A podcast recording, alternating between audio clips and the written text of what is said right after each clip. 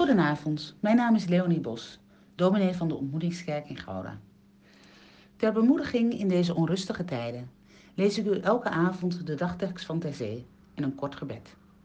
U kunt dit bericht delen met anderen. Jezus zegt, wanneer je je offergave naar het altaar brengt en je je daar herinnert dat je broeder of zuster je iets verwijt, laat je gave dan bij het altaar achter.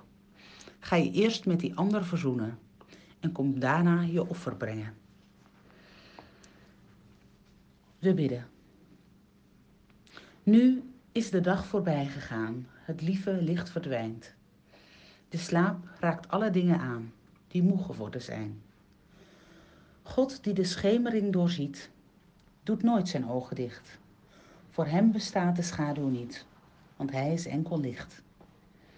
O Heer mijn God, denk toch aan mij in deze zwarte nacht.